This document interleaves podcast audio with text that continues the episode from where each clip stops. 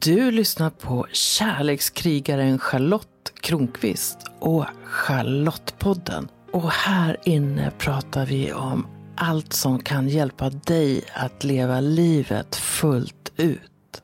Det här är Charlotte Kronqvist och du vet ju att du lyssnar på Charlottepodden. Och nu är det dags för avsnitt 99 i min lilla podd. Det är så härligt att möta spännande och intressanta och modiga människor för samtal i den här podden. Och det är också spännande att reflektera över livet på olika sätt. Vi får se om det blir fler än hundra avsnitt av den här podden. Jag har en idé om att dra igång en ny. Och du kanske minns att jag började med 100% podden och där hade jag 100 avsnitt ungefär. Så det kanske är dags. Och därför så här i 99 avsnittet ska du få möta en fantastisk person. Tänk dig en 15-åring som går in i ett hus som en ful och misslyckad tonåring och några timmar senare kommer ut som en ren andesjäl fylld av evig kunskap och är lycksalig. Det är vad som hände Eva Cederblad som som 15-åring gick in i Krishna-rörelsen och fann mycket kärlek men också sånt som hon så småningom inte gillade så mycket. När jag träffade Eva Cederblad för första gången så uppstod det en systerlig kärlek direkt. Det finns något så underbart avväpnande med Eva. I hennes sällskap så känner jag mig sedd och älskad. Och det är som att det är en aura av kärlek runt henne. Jag har lyssnat på hennes sånger många gånger. Och de har ofta ett vackert budskap och jag vill bara fortsätta lyssna. Så jag bad Eva, kan inte du vara med i min podd och berätta om dig själv? Så du får möta Eva som 15-åring och Eva under livet och flera magiska saker som har hänt henne. Och jag tänker att en person som Eva skapar magi omkring sig. Nu har hon hunnit bli 60 år. Och hennes 60-årspresent var en resa till Indien, landet hon älskar. Och när du lyssnar på det här har hon nyss kommit hem. Lyssna på samtalet mellan mig och Eva och googla sen hennes musik. En låt som jag tycker är underbart vacker heter Jag är gudabarn. Jag sitter här med Eva Cederblad som hon är sångerska för mig men också en Indien-älskare och en människoälskare och jag skulle också kalla dig för levnadskonstnär. Och dessutom är du en kär vän till mig. Välkommen Eva! Tack så mycket! Hur hittade sången dig? Sången har alltid funnits i mitt liv, ända sedan jag var pytteliten. Och eh, jag minns särskilt att min mormor brukade sjunga. Jag, jag var ganska otrygg liten unge och i en otrygg miljö. Men min mormor hon, eh, hon sjöng mig till sömns när hon var hos mig och sjöng sorgliga såna skillingtryck och Lejontämjarens dotter och alla de här sorgliga, gråtiga, underbara sångerna. Och vi sjöng väldigt mycket tillsammans, min mormor och jag. Så du blev uppmuntrad till att sjunga redan mm. som barn? Mm. Och sen var det en eh, min lärare i tvåan, trean såg mig, för jag var ganska osynlig liten tjej, men hon såg mig och hörde min röst på något sätt. och såg till att vi eh, sökte in på Adolf Fredriks musikklasser. Och sen dess har jag bara sjungit och sjungit och sjungit. Börjar man där på mellanstadiet? Ja, eller? precis. Så från fyran gick du på Mm, Adolf. Fredrik? Mm. När förstod du att du hade en fin röst? Det har jag nog inte förstått förrän kanske nu på senare år. För jag har varit väldigt självkritisk i mitt liv. Så jag har aldrig tyckt om att sjunga egentligen. Men sen har det varit i mitt jobb och då har jag varit tvungen att göra, alltså sjunga för offentligt.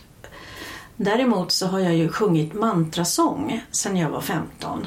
Och då är det precis som att då är det inte jag, då är det bara, då är jag inte självkritisk. Berätta vad mantrasång är ifall någon som lyssnar inte Mm. vet. För mig, om jag bara berättar hur jag kom in på mantrasång, så var det att jag var en sökare som barn och, och det här. Och sen så gick jag med i Krishnarörelsen när jag var 15. Och fick då lära mig eh, ja, meditera och eh, sjunga mantran. Ett, vad ska vi säga, ett mantra, Guds namn som man repeterar och sjunger olika melodier men man sjunger tillsammans. Och ofta är det någon som leder och sen så sjunger man efter. Och eh, det där känns ju i hjärtat. Det tror jag nästan alla som sjunger sjungit mantra känner. Menar du att, att det också är en mantrasången var en väg in till att bli sångerska som jag kallar det? Ja, absolut. Det, det gjorde jag eftersom då sjöng jag ju så mycket. Jag gick och sjöng mantras hela tiden när jag stod och lagade mat. Där kommer det här med hängivenheten in egentligen som, jag, som har varit min ledsagare genom livet då. För att jag började praktisera bhakti yoga som är hängivenhetens och kärlekens väg. Och då tillägnar man sin sång, den gör man i bhakti yoga i kärlek till det gudomliga. Man lagar maten i det medvetandet som också blir gudomligt. Och försöker att i möten se också det gudomliga i varandra. Då blir det hängivenhet. Man tar hand om sina barn, man städar. Man kan göra allting i hängivenhet. Ja. Och det lärde du dig när du var i Krishna-rörelsen. Mm. Så nu är du ju inte där längre. Nej. Men vad gav de åren dig? Det gav mig ju... Om du tänker, jag brukar tänka så här att jag kom in... Jag kommer ihåg när jag åkte till Korsnäs som ligger utanför Tumba. När jag var 15 på en söndagsfest kom jag dit. Och eh, jag brukar säga att jag kom dit som en ful, misslyckad 15-åring. Och jag kom ut därifrån samma dag som en ren andesjäl. Satchitananda, fylld av kunskap, evig och lycksalig. Det låter som frälsning. Ja, det var definitivt en frälsning. Jag, mitt liv ändrades från en dag till en annan. Jag blev vegetarian. Jag började meditera på det här eh, Krishna-mantrat på radband. Jag började sjunga, jag började följa de här principerna och eh, började jobba på Govindas på en gång. Och Govindas är för mig ett eh, matställe som Krishna Precis. har där maten är lagad med kärlek. Mm. Och det här var då på Grevgatan i Stockholm. Det här var 79. Och eh, där vi hade för det första eh, alltså ett center och så hade vi en, en restaurang, Govindas, men sen hade vi, kanske några kommer ihåg det här, då gick man ner en trappa och då var det jättemysiga lokaler och där hade vi gratis mat varje vardag mellan 12 och 2. Wow! Och det var häftigt för det kom alla möjliga sorts människor. Många studenter kom dit, kunde lägga en liten donation. Det kom många utslagna människor, om man säger, som fick mat och värme och lite kärlek. Jag blir ändå så himla nyfiken på den här ledsna 15-åringen som går in och så några timmar senare som kommer ut och lever. Mm. Går det att beskriva hur det kändes i kroppen? Eller hur? Alltså det var det, är det största jag varit med om. Inte bara den dagen, utan det som kom sen. Det blev en helt, får tänka en helt ny Universum blev helt annorlunda. Allting blev annorlunda.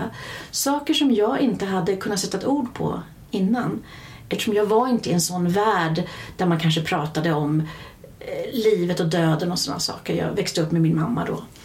Jo, men jag kände ju att allt det här som jag hade upplevt tidigare, jag kunde uppleva sådana här saker som att det här har jag varit med om tidigare. Och sådana här saker. Och jag hade inte ord på det innan. Men när sen vi började prata om reinkarnation och återfödelse så var det för mig så självklart som att andas. Och det var många sådana här saker som... Eh, var det lite som att det här hade legat och väntat på ja, dig? Ja, det var det verkligen. På många sätt faktiskt. Eh, även sångerna hade jag haft i mig utan att veta om att det här var de mantras. För att jag hade fått en skiva, Goddess of Fortune hette den, den som George Harrison producerade. Hade jag fått när jag var 12 år. Och så var det såna här sånger där. Govinda Jaya Jaya, Gopala Jaya Jaya. Och de hade jag gått och sjungit. Och Hare Krishna-mantrat. Men jag förstod ju inte att det var det. För min mammas kompis sa du gillar ju sån här grekisk musik. Aha, de hade inte koll? Nej, de hade noll koll. De hade väl köpt den på gatan någonstans. Och sen när jag kom dit, du förstår hur jag kände mig hemma. Nu ska jag göra ett raskt hopp mm. till mm. nutid. För några veckor sedan så fyllde du 60 år och jag var med på din 60-årsfest och då var du omgiven av de flesta av dina barn. Och då tänker jag så här, vad har den familj du själv började skapa betytt för dig? Mm. Eller vad, ja, vad betyder familj mm. för dig? Det betyder ju nästan allt. Det gör det verkligen. Eh, jag var själv ensam barn. Eh, och jag tänkte att när jag blir stor då ska mina barn ha syskon. Och jag gifte mig, jag fick ett arrangerat äktenskap då i Krishnarörelsen och gifte mig tidigt och fick två små tjejer på köpet. Och rask takt fick jag barn då. Men vi är ju en hel klan idag. Väldigt mycket värme i den här klanen. Alltså, behövde du skapa någonting som var någonting helt annat än det du fick tillsammans med din mamma? Ja ja eh, man kan säga att jag bröt.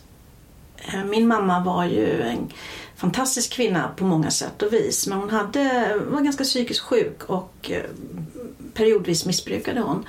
Och jag var ju ensam i den här världen så att det eh, Ja, det var inte så lätt för mig alla gånger. Men eh, så när jag också när jag gick med i Krishnarörelsen så kände jag att jag bröt med allt det här liksom och skapade någonting helt nytt. Sen går mina, mina barn, de blir ju mycket häftigare liksom. Och... Men jag tänkte på det här, du vistades i den här för dig kärleksfulla miljön under mm. en rad år. Hur skedde liksom, var det så att du långsamt lämnade det eller var det, var det eh, gjorde du ett brott mm. som du hade gjort då när du lämnade mamma. Mm. Det var ju inte bara kärleksfullt där. Utan det var väldigt mycket regler. Grunden är kärleksfull, men med så många människor som samlas så blir det ofta problem. Jag kände personligen inte att jag orkade leva upp till det här, de här starka idealen och gå upp så här väldigt tidigt på morgonen. Och min man och jag flyttade runt lite för han höll i ehm, Ja, han höll i väldigt mycket radio, radio och lite sådana här saker så vi åkte runt väldigt mycket. Men sen hände det saker i Krishnarörelsen som gjorde att det blev en splittring. Och då var min man en av de som lämnade, då följde jag ju med. Och sen gick det några år och sen skildes vi. Och då kunde jag välja hur jag ville göra. Och då tänkte jag att jag vill behålla allt det underbara. Jag vill behålla bhakti, jag vill behålla kärleken, jag vill behålla maten, musiken och allt det här. Men det andra vill jag inte ha. Jag vill inte följa principer bara för att följa principer. Så jag testade. Men jag känner ju fort, jag är ju till exempel vegetarian, det har jag aldrig tvivlat på. Och alkohol och sådana här saker, jag är väldigt restriktiv. Så. Eh, men och sen funderade jag på hur ska jag försörja mig? Jag hade aldrig betalat en räkning i hela mitt liv. Hur gör man? Eh, det kan tyckas vara svårt men det här lyfte mig för att jag var tvungen att prova mina vingar i livet. Och då började jag jobba i kyrkan faktiskt, också med musik. Och då blev det ju att min röst blev hörd i annat än mantrasång. Blev du förvånad över den respons din röst fick? Mm, det blev jag faktiskt. Kunde du ta emot det? Jag har alltid haft lite svårt att ta emot sånt här, men nu kan jag det. Jag tycker om min röst idag. Hur gammal var du då när du började tjäna pengar själv? Eh, jag var ju 30 när vi skilde oss. Ja. Så du, du levde liksom i en värld som på ett sätt var skyddad mm. i förhållande till majoritetssamhället. Mm. Mm. Så jag bara ser för mig någon som tittar ut mm. på den här världen som de flesta lever i och så här, hur funkar det här då? Ja, precis. Men någonting när du säger det här som var en stor avgörande grej för mig, det var när jag hade skilt mig och lämnat Krishna-rörelsen. Hur ska jag ha glädje av den här mantrasången och, och det här? Hur ska jag kan jag hitta andra människor att, att sjunga med? Det funkade ju inte. Och sen var jag i Växjö av en anledning och såg en affisch om Mundekulla-festivalen, Mundekulla musikfestival som eh, Ann och Peter ordnade och det här fantastiska stället utanför Emmaboda. Och jag åkte dit. Jag var väldigt blyg och osäker på den tiden. Och så kom jag dit och jag var inte van att vara fysiskt nära. Vi hade levt väldigt starka principer också eh, om eh, att sex, eh, sex till exempel, det var ju för, i barnalstrande syfte och, och så. Men överhuvudtaget närhet och kramar, det var att titta varandra i ögonen. Det var svårt för mig. Och så kom jag ihåg att där stod en banderoll och stod det minst tio kramar om dagen. Jag tänkte, vad är det här för sekt? Det är säkert någon sån här konstig sexsekt. Men där upplevde jag att jag föddes på nytt faktiskt. Som en människa med kropp också. Förut hade jag liksom bara fokuserat på att jag är andesjälen. Jag är inte den här kroppen. Eh, och jag har liksom ja, föraktat kroppen på något sätt. Men här, jag började komma varje år på de här festivalerna. Jag tror jag varit på, av 25 har jag varit på 23. Och hur lång tid tog det innan du själv blev en del av programmet? några år. Både Peter och Ann uppmuntrade mig väldigt mycket och sen, ja, jag började få en god självkänsla och njöt av, jag, var, jag tänkte att som ett litet barn du vet som inte har fått se sin mamma i ögonen ordentligt, så blev jag. Så jag kunde liksom inte få nog av de här danserna och sångerna när man verkligen ser varandra, ser varandra djupt in i ögonen och känner den här samhörigheten. Som jag förstår idag är ju också själarnas möten. Vi pratade innan vi började spela in så här, när var det första gången vi träffades? Och då kom vi fram till att det var eh, på en ayurveda-kurs i, i Gränna 2009. Men jag har ju också varit på Mundekullas eh, eh, musikfestival. Och vi har, jag har också varit på kvinnofestivalen där. Mm. Och jag har lite dålig koll på åren. Det är mycket möjligt att det var efter mm. det här. Men jag har sådana här minnen av hur du just leder, jag kallar det ibland för heartdance. Där man ju sjunger mm. mantran mm. och skapar en väldig kontakt mellan de som eh, dansar. Mm. Är det lite sånt du mm. menar att... Mm. Men då undrar jag, jag har mest sett dig då som, som en del i en dans. Mm. Men du leder. Mm.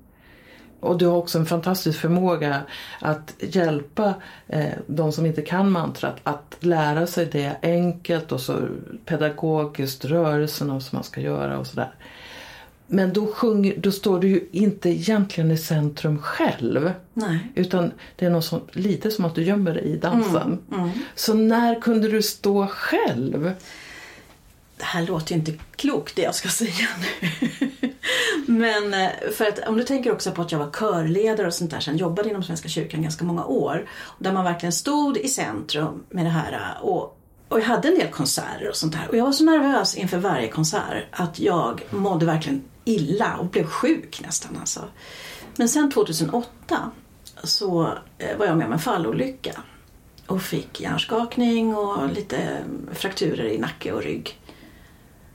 Det förändrade mitt liv till också någonting helt fantastiskt. Först var det ju fruktansvärt. Jag blev av med mitt jobb. Jag visste inte om jag någonsin skulle bli återställd.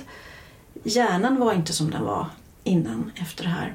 Och det tog mig ganska lång tid att återhämta mig. Och innan det jag har väl kanske lite grann talat om att jag har varit en ganska orolig person och rädd för mycket. Och jag har inte vågat flyga, jag har inte vågat vara nära hästar, åska, då går jag in. Och helt plötsligt så var jag inte rädd längre. Och jag får för mig att det var inte någon form av dödsupplevelse eller någonting sånt utan det var mer, jag tror rent att konkret att jag, det smällde till i något räddcenter i hjärnan.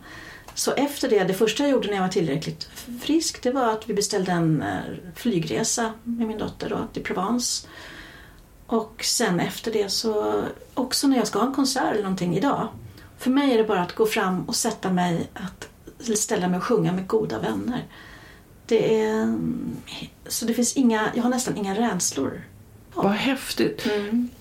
Jag vill komma in på Indien men alltså, jag, jag ville visa din musik för, mm. för någon. Mm. Och så kollar jag på Spotify så finns du inte där. Nej. Men man kan hitta lite klipp på Youtube. Mm. Beror det på, varför finns du inte på Spotify? Är du inte liksom traditionellt utgiven din musik? Eller vad, är det ett aktivt kan, val från din sida? Nej, nej, nej. Jag skulle jättegärna vilja ha jättemycket grejer. Det är bara att jag, vet, jag har till och med en inspelningsstudio hemma som jag har fått av en kär vän. Men jag, och han har försökt lära mig det en gång. Eh, och så nu har jag tappat bort det så nu vet jag inte hur man gör igen. Men jag har en jättefin inspelningsstudio hemma. Jag skulle så gärna vilja spela in musik och lägga ut den. Men jag är så totalt tekniskt okunnig. Om du kan sånt här som lyssnar på det här, ta tag i det här så att Eva Cederblads musik kommer ut på Spotify. Tack. Jag kan ta fram liksom Jag är gudabarn som du gjorde typ ungefär då 2008 mm. någonting och så bara smälter hela mitt hjärta. Mm, så, jag blir. Ja men din, alltså, det är ju någonting där med, med, med din röst som känns så inkluderande på något sätt. Mm. Det känns som att du är kärlek när du sjunger. Och det kanske du är också.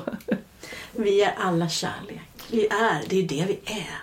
Ja men det, då, då, får vi en, då får vi en chans att känna när mm. någon som vågar vara mm. i det, hur det känns. Mm. Och jag tror att det är också det som bidrar till att påverka. Mm. Men du var flygrädd innan. Betyder det att du började resa till Indien efter den här olyckan eller hade du ändå lyckats sätta dig på ett plan och ge dig dit innan? Nej, jag hade aldrig vågat flyga. Jag hade flugit men hade blivit, jag flög sista gången då när jag var kanske 20 och sen hade inte jag vågat flyga. Och jag har haft en sån önskan att åka till Indien men jag har ju inte vågat det. Och sen fick jag en 50-årspresent av mina barn och vänner och så här och det var en resa till Indien. Och då åkte jag. Och sen har det bara blivit mer och mer. Och jag tror att jag har varit tio gånger där nu med avbrott för alla de här coronaåren. Då. Och eh, vi har gjort, eh, det har varit så fint för att Susanne och jag, då, Susanne Montelius, min kära syster och vän, hon och jag ordnade resor till Indien då, för kvinnor.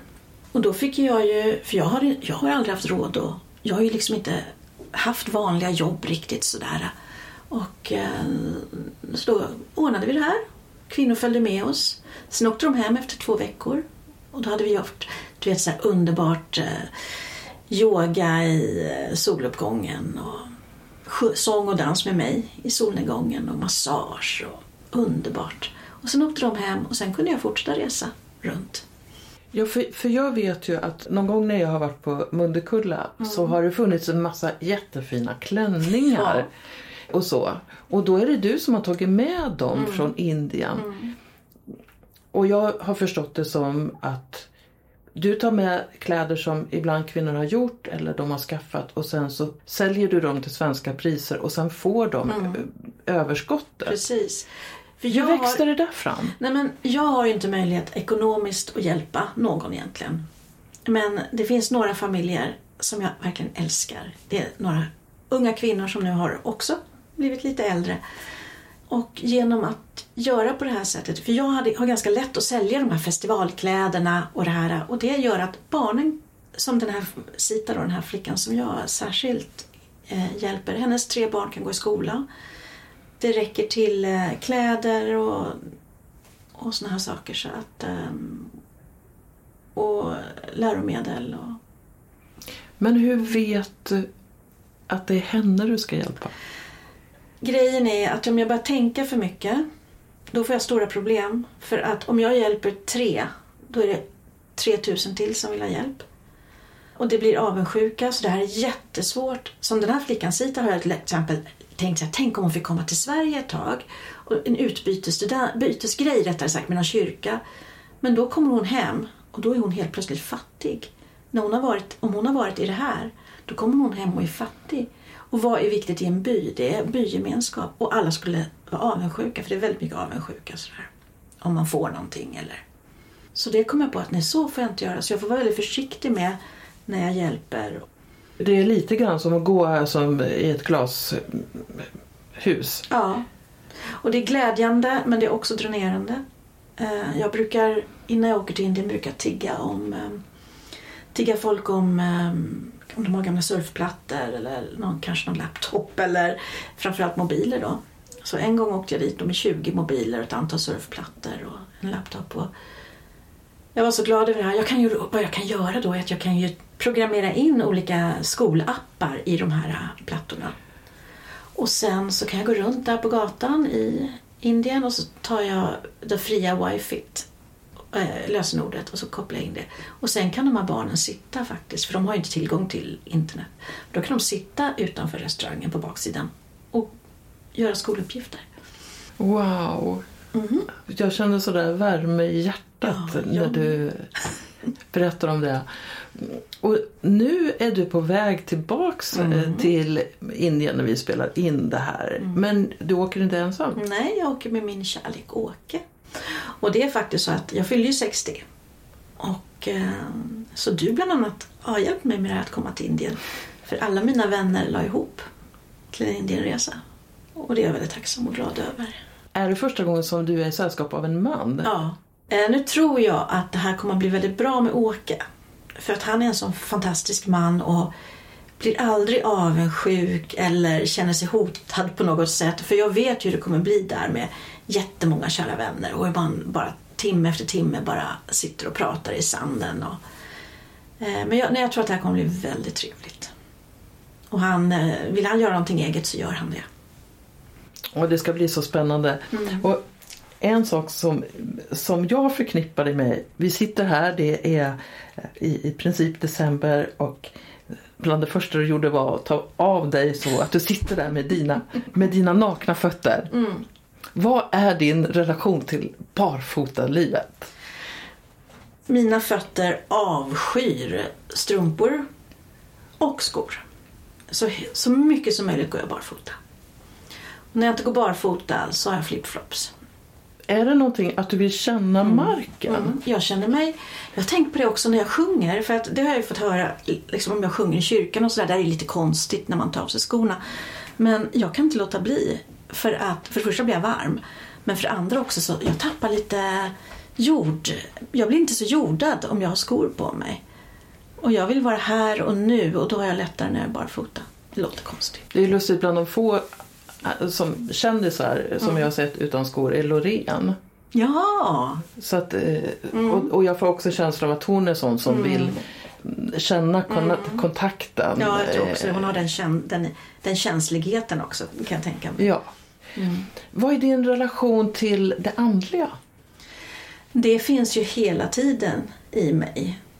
Hela tiden. Och eh, det har sett ut ungefär likadant under hela mitt, mitt liv. Även om jag har bytt liksom, från krishnarörelsen så har jag jobbat inom kyrkan i många år. För mig är det samma sak. Kärnan i det här liksom. Och eh, som det är nu, man har ju gått på ganska mycket olika både kurser och sånt här också. Jag kände nu när jag fyller 60 så är det den här härliga känslan av att jag menar, jag tror att jag har ganska länge kvar här, det tror jag. Men det är spännande. Jag vet inte om du har hört den här berättelsen om den här vargkvinnan som går och bär en näver ryggsäck och hon plockar ben överallt liksom. Och sen häller hon ut dem i grottan och pusslar ihop det här. Eh, så tycker jag att det känns för mig. Att nu när jag har fyllt 60 så känner jag lite grann att ja, nu kollar jag vad har jag plockat för ben i mitt liv. Både erfarenheter, kurser, möten, allting sånt där. Tro, övertygelser och sen så ser jag, tittar jag på det här. Och det är jättespännande.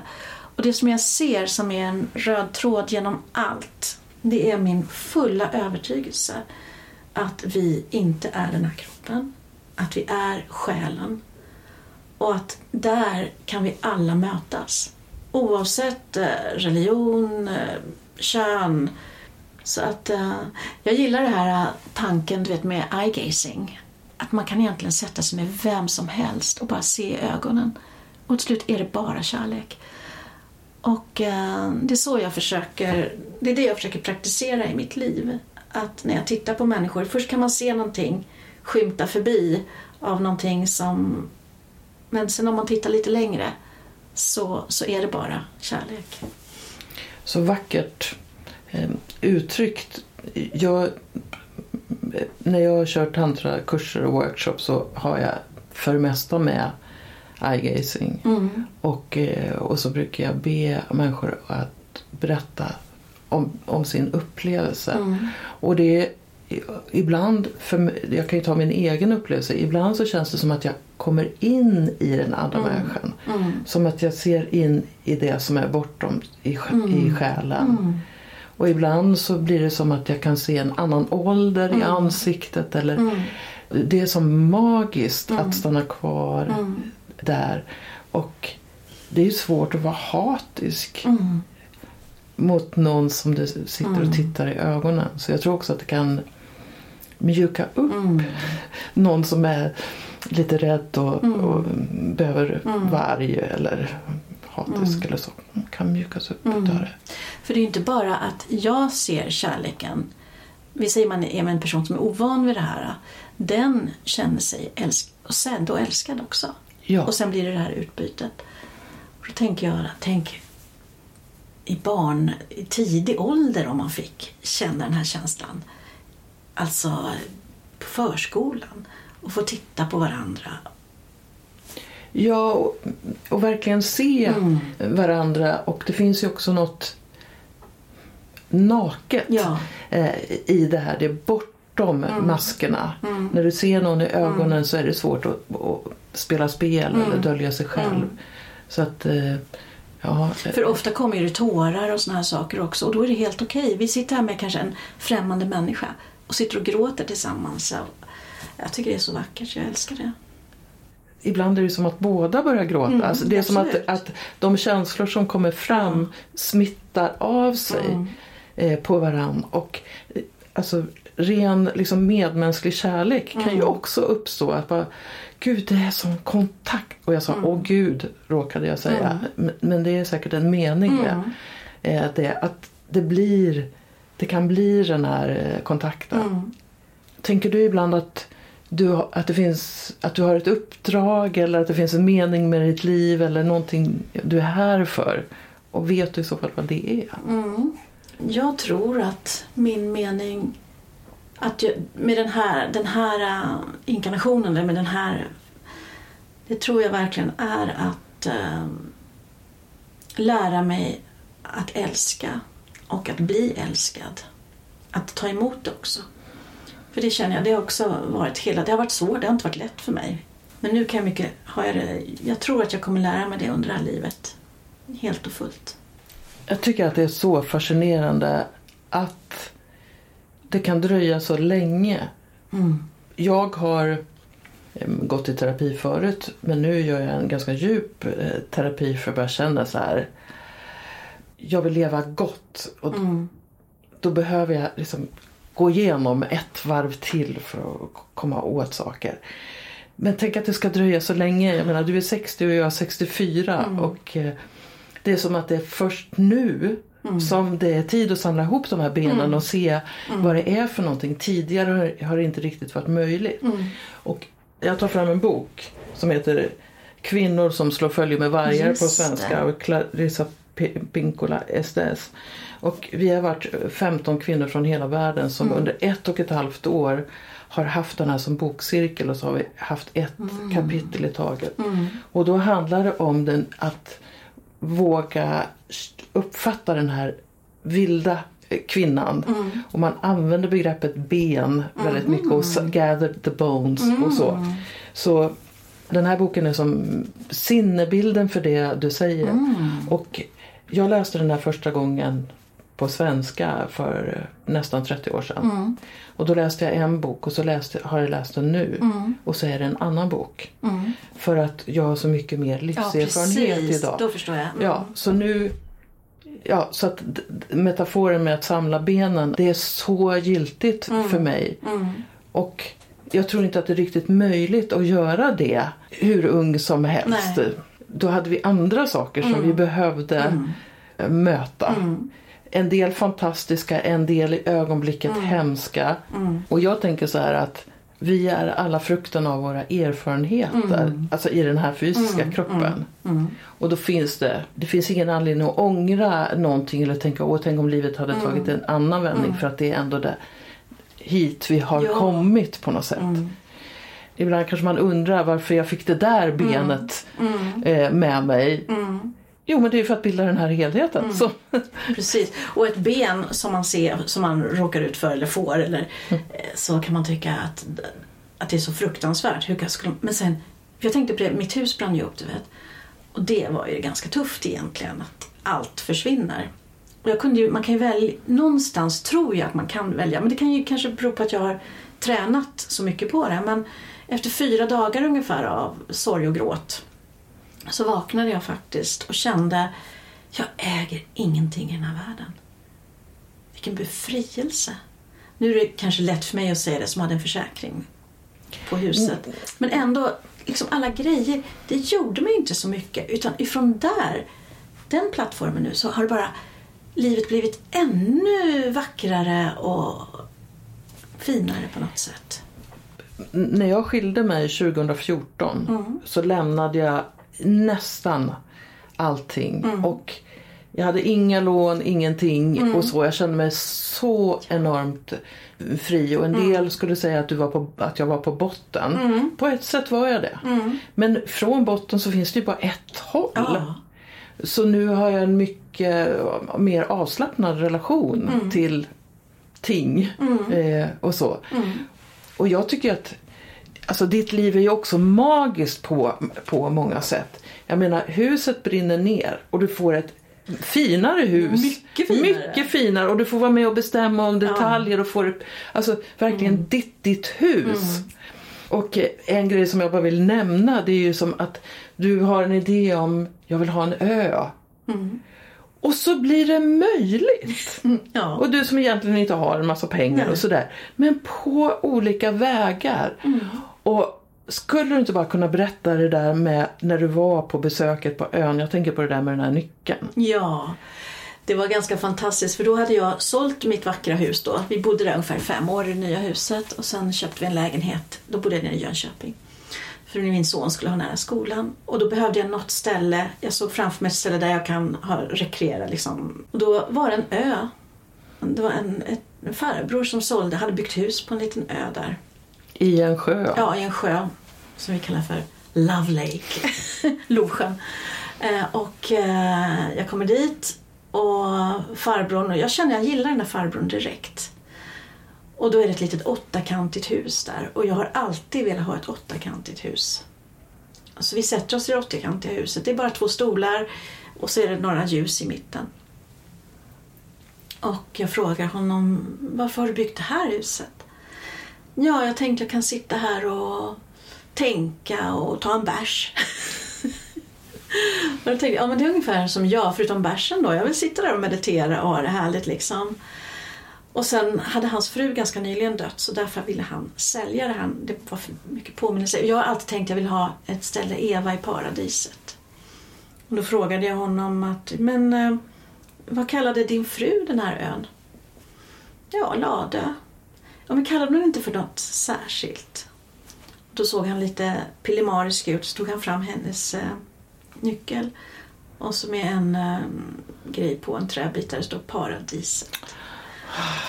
Och då visste jag att det var mitt. Och jag sa till honom att eh, det här har jag möjlighet att bjuda. Mäklaren var där. Hon sa att det går han inte med på. Han ska ha det dubbla. Men sen ringde han till mig och sa att jag vill att du ska ha det. Och det jag tror att sånt där händer för att du är du. Det tror jag med. För jag hade gjort som med någon annan. Och det hade jag gjort när jag sålde mitt hus också. Liksom, de jag tyckte om fick köpa det och tackade nej till 38 budgivningar. Jag tror att då kommer det tillbaka till en liksom om man eh, följer hjärtat, om det är så enkelt. Låt oss följa, fortsätta följa hjärtat Eva. Jag är så glad att du sitter här just nu.